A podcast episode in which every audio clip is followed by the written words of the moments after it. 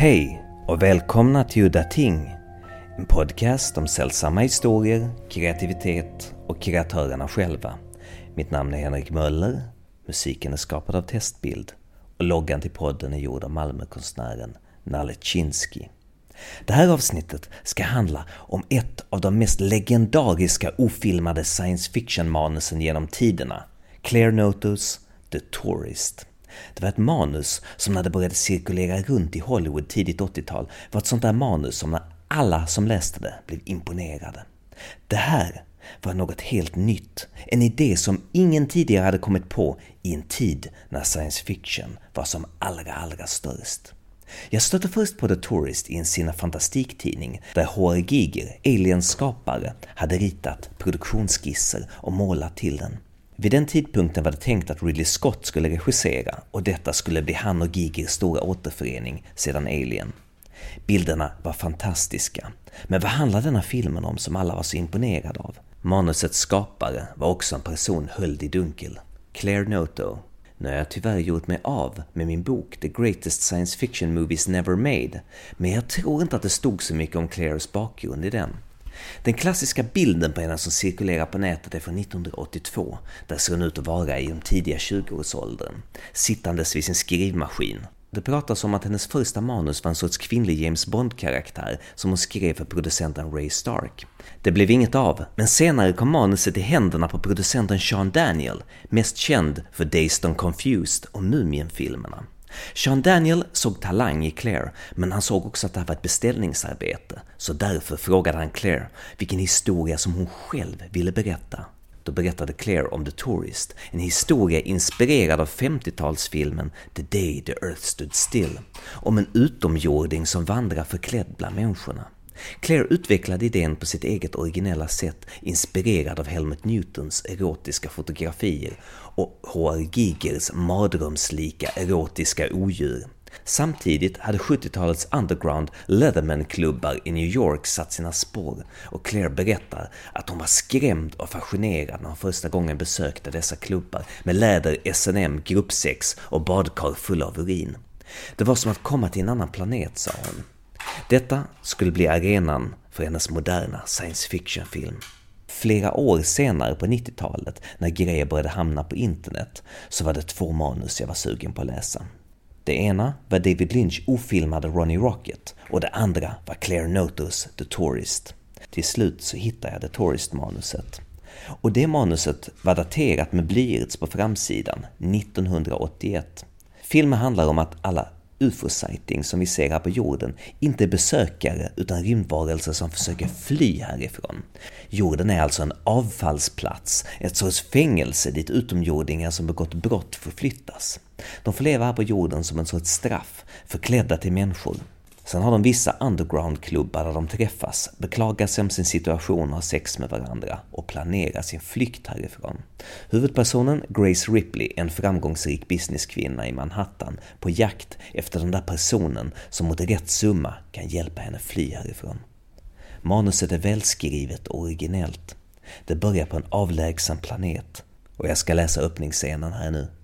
Exterior Beach, Alien Planet A sulphurous yellow sea smashes against a black sand beach.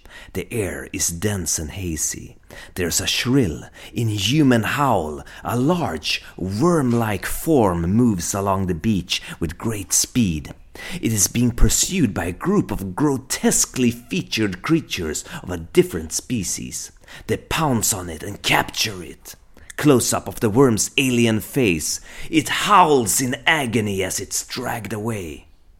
Cut 2. Close up of a wino, New York City. He's haranguing the lounge crowd as they swarm the sweltering streets. He swoops up a broken shark toy from the gutter and waves it in their faces. The wino says, Save the porpoise! Save the porpoise! Give me some money or you'll end up in a pine box! Senare kommer vi att förstå att det är Grace som är den där maskliknande varelsen som har blivit fångad och ivägsläpad. I en scen mot slutet, som kan bli precis hur briljant eller hur fånig som helst, behåller Grace och hennes fiende sina mänskliga former, medan de rör sig som sina utomjordiska kroppar. Grace slingrar sig alltså som en mask runt sin motståndare i slutstrid. Jag frågade Lee McGeorge som har skrivit en fanfiction-roman utifrån Claires manus av The Tourist. Han är en fan och han har fördjupat sig i det legendariska manusets produktionshistoria. So the the background with the film is there's a number of different versions. It depends on who you're speaking with. Now the uh, the version um, that Claire will tell you is that it was at Universal, and it was under the auspices uh, of a producer who had a really good feel for it. And she would be writing pages, he'd be giving her ideas, she'd be writing some more pages, taking them back. And then he went off to bigger and better things, and other people came in. And a producer came in called Remy, Remy Missel. Now, Remy um, had scored a hit with a TV movie that picked up an Oscar nomination. Um, she didn't really do much else, but she had this, and she was like the cool hot girl on the street, and Claire was this hot young writer. They got together, and if you follow Claire's story, Remy Marcel then tried to steal the project and force her out. Um, Remy has a different story that you know Claire's kind of very difficult to work with. She doesn't want to compromise, and she made it to, almost too difficult for people to work with her. But there's a lot of confusion here because who had certain rights or what the contracts were, um, nobody really knows. It's a mystery. It was a bit of a mess. And how the project collapsed is, uh, as far as I can see, I think Remy Marcel probably says, g- gives the, the most uh, plausible reason is that at the time, Universal Pictures could spend up to, a, uh, well, in film production, you could spend up to a million dollars on pre-production, and if you pulled the plug, you could then claim that money back as a tax write-off. So it was like you got the money back effectively, and that was this golden cut-off point for making movies. And it was getting closer and closer to that point. They didn't have a script that worked. Lots of people were coming and going. It was just a difficult project. Um, and Universal just said, look, we, we're not interested. we will move on to something else. If you listen to Claire's version of, of the story, tens of millions of dollars were spent. I find that really implausible. I think that Rem, Remy has probably the be- the the best recollection of, of what actually happened. So it was simply a case of time went by, they couldn't make it work. They'd spent a lot of money, but they could get that money back from tax, so they decided to take it. Well, the thing that I heard was that it was too expensive for what it was. It was an artsy, character driven piece, but with these big science fiction scenes, here and there with monsters, alien worlds, and Gigeresque machines in this underground club. That meant that it would have a budget usually reserved for big action movies. But if you took away the science fiction elements, you wouldn't really have anything left that was unique about it. I, I, don't really subscribe to this view that it was, you know, some things were too expensive. It it wasn't. I mean, Claire's real desire was always that it would be lo-fi, that it would be um, kind of cheap and cheerful and just imaginative rather than super expensive. And there's nothing there's nothing in it that in the screenplay or in the ideas that would make it cost prohibitive. Well, maybe not today, but in 1981, the era of practical effects, it would be quite expensive. Not really. If you think about movies that were being made at that time, they went through a phase of very expensive screenplays. If I remember right, the most expensive screenplay at the time was Jacob's Ladder, which was the first movie that had been sold for $5 million. So that was a really big thing in the 80s. It was who has the best screenplay. So that's why you got movies like Fatal Attraction, why you got movies like Ghost. They were really big. They were the big, big money screenplays. Um, so when people are spending five million dollars on a screenplay, you know the, the fact that they could have a million dollars for pre-production as a tax write-off, it's it sounds plausible. Okay, could you talk about the people that got involved? It was quite a number of different directors that came and went.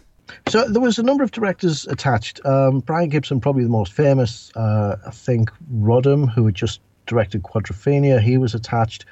Um, Claire talks has talked to me before about meeting Ridley Scott and Adrian Lyne. Um, so there were there were big names all swirling about it, but nobody ever really committed. The the closest anyone got was probably Brian Gibson, who was the director of Poltergeist Two. Could you be more specific? Did you say anything what they talked about during their meetings? Well, Claire says that you know she met people like Ridley Scott, and and all she ever says is that they loved it, they wanted to do it, but somebody else ruined the project. Uh, that's that's what Claire always says. It's the same story for everybody, for every director for every producer, for every other screenwriter that came in. I mean, um, at one point, Harlan Ellison was brought in. Now, Harlan Ellison is a very well respected uh, screenwriter. He wrote episodes of Star Trek. He was really well known in science fiction. Um, and he, he, he, wasn't sure what to make of it. That's the, the story that I've got. And he passed on the project. But um, the way it was told to me was Claire was outraged, you know, that other, other writers would be brought in. Do you know anything about writer Dan O'Bannon, the creator of Alien, his participation in the project? No, that's that's one I've I've heard his name attached before, but nobody has ever come back and, and give me any sort of insight into that or any details about it. So I don't even know if it if it really happened. Well, one funny thing is that I interviewed Brian Yuzna about his collaboration with Dan O'Bannon back in 1987. That is about five years after the tourist hysteria in the early part of the 1980s, so that must have faded into oblivion. And the script was called The Men. It's about a woman who discovers that all men are aliens. I don't know, but I immediately thought about the tourist and asked Brian about it. He didn't know about it, but I guess Dan O'Bannon might know about it. Maybe he was inspired by the tourist when he wrote the script for the men. It's an interesting thing with the original screenplay. Um, in a, a lot of people, not only did they, they know about it at the time, but people were kind of active to get involved. A lot of artists, for example, started sending their work in, saying, you know, can can I be considered? I'd love to be involved in this project. This is the type of aliens I'm designing and people were really keen to to get on the project. And it was um, one of these, one of the, the, one of the people that got in touch with me is a chap called Robert Morello, and he is famous for um, he did covers for Heavy Metal magazine, like the science fiction magazine. Yeah, and uh, he got in touch with me. He said, "Oh yeah, I did some work on that," and he'd lost most of it, but he still had some things. He sent me these photographs of um, some production notes and things he'd done with with uh, Brian Gibson. And just in the last week, he has a Google alert, you know, for his own name, and it came up, and it was all of his original drawings and sketches for the tourist had turned up on eBay, and the person who had them who was selling them didn't know what they were. So he actually bought back his own sketches really cheap. He's just shared a few of them with me, um, and they're stunning, absolutely stunning. So these are like 30 year old sketches that turned up on eBay, and he was able to buy them back. Jag brukar ha för vana, om möjligheten finns, att ha med en ljudupptagning, en röstupptagning av personen i fråga som det avsnittet handlar om. Lee hade ju berättat att han hade bandat flera telefonsamtal med Claire och jag frågade Lee om han kunde skicka någonting till mig. Lee var väldigt snabb med att påpeka att eh, då fick han titta igenom riktigt noga så att det inte var någon bit där Claire sa något olämpligt som skulle kunna genera henne längre fram eller som hon skulle bli sur för att han hade delat. Och eh, min fråga till Lee var då om han kunde hitta någonting där Claire pratar om Giger eller Ridley Scott eller någon av de andra personerna som hon jobbade med.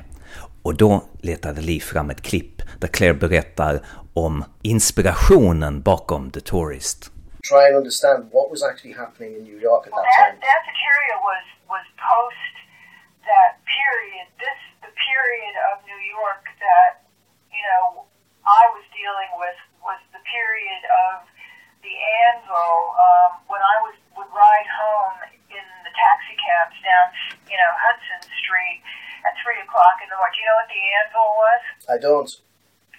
The Anvil was the uh, the gay S and M club that was kind of the beginning of the whole uh, cruise in the motorcycle jackets, the mm. fist fucking, the really extreme, uh, you know, violent sex. And you would, the taxi would drift by uh, at night, and the streets would be dark, and then suddenly you would see these, you know, a, a smeary kind of light, and there would be these guys all dressed the same way in the motorcycle jackets and the leather pants and the hats, but all covered in blood and all drugged out and lying all over the pavement, the pavements, and all, uh, you know, really, really messed up. And it was, you know, it was a sight like, you know, people used to say it's out of Fellini, and I, I, in my mind, it was like Fellini doesn't even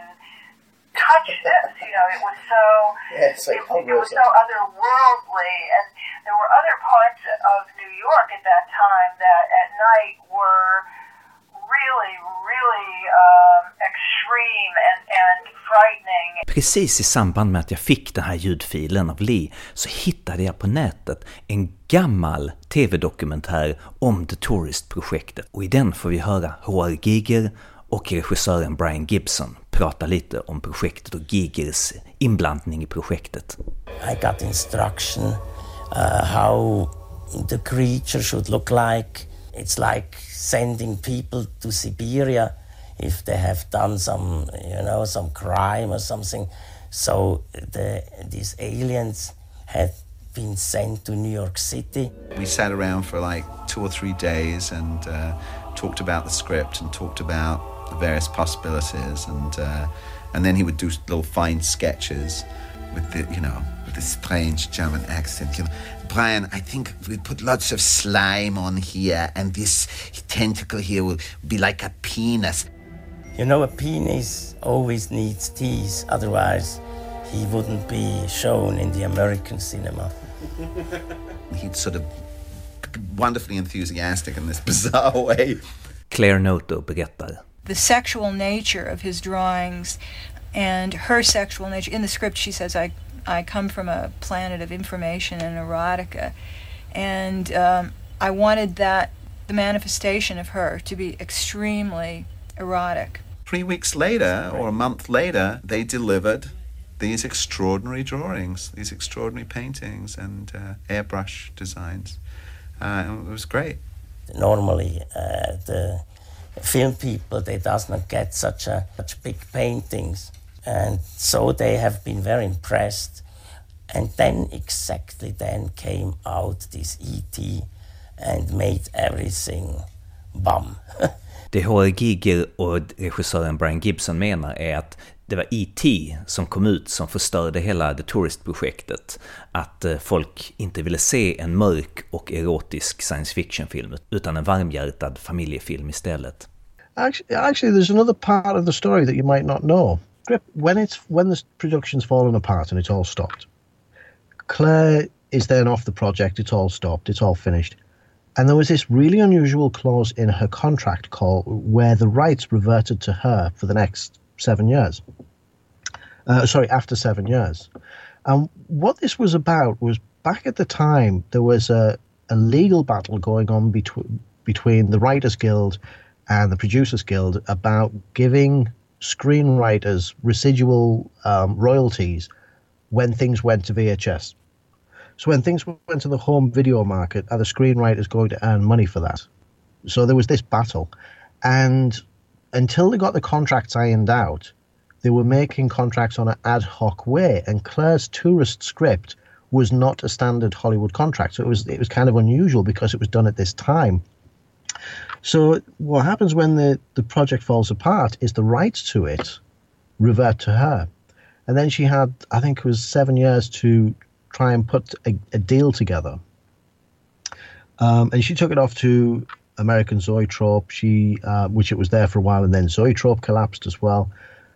Then in the, the early 90s, um, Lawrence Gordon, who, now this is Claire's story, so I'm not entirely sure how much of this is true. Claire gets a phone call from Universal, and they say, We're looking at the tourist again. Lawrence Gordon, he's just had this huge hit with Predator, and he's looking for another science fiction, and he's interested in the tourist. Would you like to come back in and do another draft of the script for us? And Claire goes off to meet them, and they say, We've got this young actress, she's called Angelina Jolie, she'll be perfect for the lead. And Claire thinks everything's going great, everything's fine. She does one version of the script and never hears from them again. Now, what I have pieced together afterwards along the way is that the rights were completely broken up. And the rights to, um, for example, Universal owned the film rights only, but they didn't own the copyright of the screenplay. Or they owned the rights to make a film, but they didn't own the rights to advertise. It was kind of a really stupid thing. And I suspect that when they brought Claire in to do this this new draft, I think they did that to consolidate all of the rights, to kind of bring everything back together. So she signed a new contract, and that's brought all of the rights back together. Um, but then Claire never heard anything else. So, So, how did you come to write the novelization of the script? Uh, just a few years ago, I'm browsing online and I see this animation of Mexican wrestlers fighting Giger's tourist images, Giger's tourist aliens. And uh, I looked a little deeper and found it was a, an animator who worked for Mexican TV. He did the animations for the, the luchadors when they entered the arena. And um, we got chatting online. He loved the tourist script. I loved the tourist scripts. He wanted to draw pictures. And I said, look, eh, let's, let's do it. I'll, I'll write the book as though the film was made. And you design the cover. And we did it for fun. We put it out online. Um, I printed 85 paperbacks and give them away to friends. And um, it suddenly started to really pick up with uh, well I sent it to people at Universal Pictures and they really liked it. And suddenly it was spreading and it was it was kind of going I, I wouldn't say going viral but in that underground fascination that people have for the film people loved it and they, they really wanted to read the book. But things took an unexpected turn when you sent the book to Claire Noto herself. I've written this book. It's it's been downloaded and um, and I sent it off to all the creatives involved in the film that I could find. So I got into conversations with people like Rennie Marcel and people like uh, Robert Morello.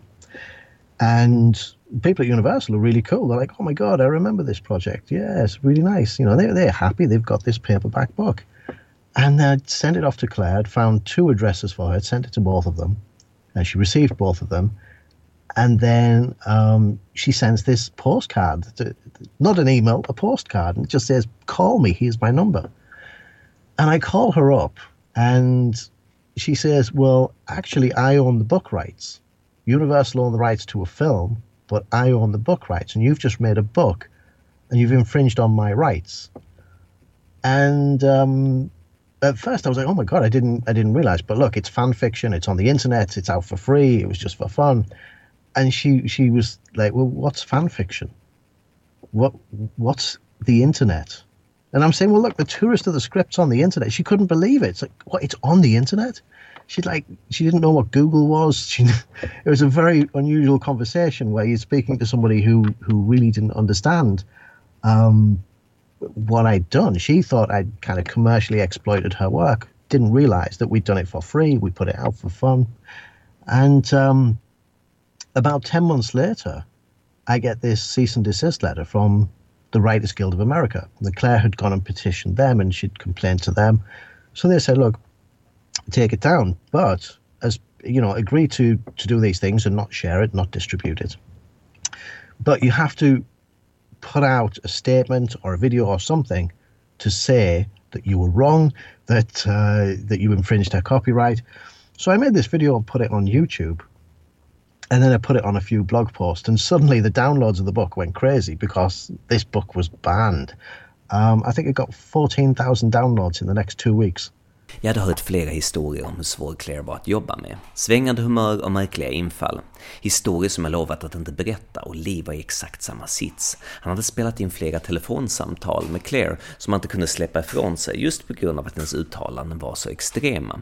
It's actually a long time since I've spoken to Claire. It's, uh, you know, it's quite a few years ago now to try and remember those phone calls. I mean, I, I did record one of them. Um, she, yeah, she's she's interesting. Um, that's what I came. In fact, I almost when we finished the, the conversation, I was just looking at my wife, and we, we just kind of looked at each other. and said, What the hell was that? Detta var lite grann av kärnan i problemet med det här avsnittet. Vanligtvis så brukar folk vara ganska glada att prata när det kommer till så här katastroffilminspelningar och dela anekdoter. Men inte så i detta fallet. Jag är en sån person som gärna vill behålla bilden, den romantiska bilden av geniet med de originella idéerna. Frågan var, hade Claire skrivit något annat manus som var lika intressant och spännande som The Tourist?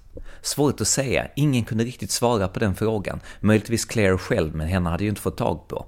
Om man kollar på IMDB så ser man att Claire står krediterad som författare till två stycken tv-serieavsnitt. Det är det enda hon står krediterad som, varav det ena av de två är en tecknad barnfilm från 80-talet, Gem, om ett rockband. Jag vet inte om det är rättvist att dra någon slutsats av det här, men eh, man kan alltid hoppas att det finns någonting mer. Claire själv är förståeligt nog riktigt bitter än idag över hela händelsen med The Tourist. I think she felt very bitter. She came close to what she'd always wanted to have a Hollywood hit. And she got so close to it. She was really touching distance. And she just came away hating the whole experience, you know, which is quite understandable. And I think that um, even though 30 years has gone past, there's still some bitterness there. Nu verkar det tyvärr som att tiden hade gått ifrån hela The Tourist-manuset och som Lee slutligen påpekade. One of the things that happened with The Tourist, and I think the reason it wouldn't be made now, is it's been picked clean. So the simple ideas that were at the heart of it, this idea of aliens living in New York, well, that's like Men in Black. Uh, if you look at something like um, The Arrival, if you remember The Arrival with Charlie Sheen, very much from that. Species is very much from that. Um, all of those ideas, they were Claire's. Claire kind of came up with everything. It's like how you often see movies that were made before Blade Runner and after Blade Runner. Okay, Blade Runner kind of set science fiction up for the next 30 years. And The Tourist did as well, but the film was never made. But so many ideas that you see in films, you say, oh, yeah, whoever whoever made this movie, they've read the script.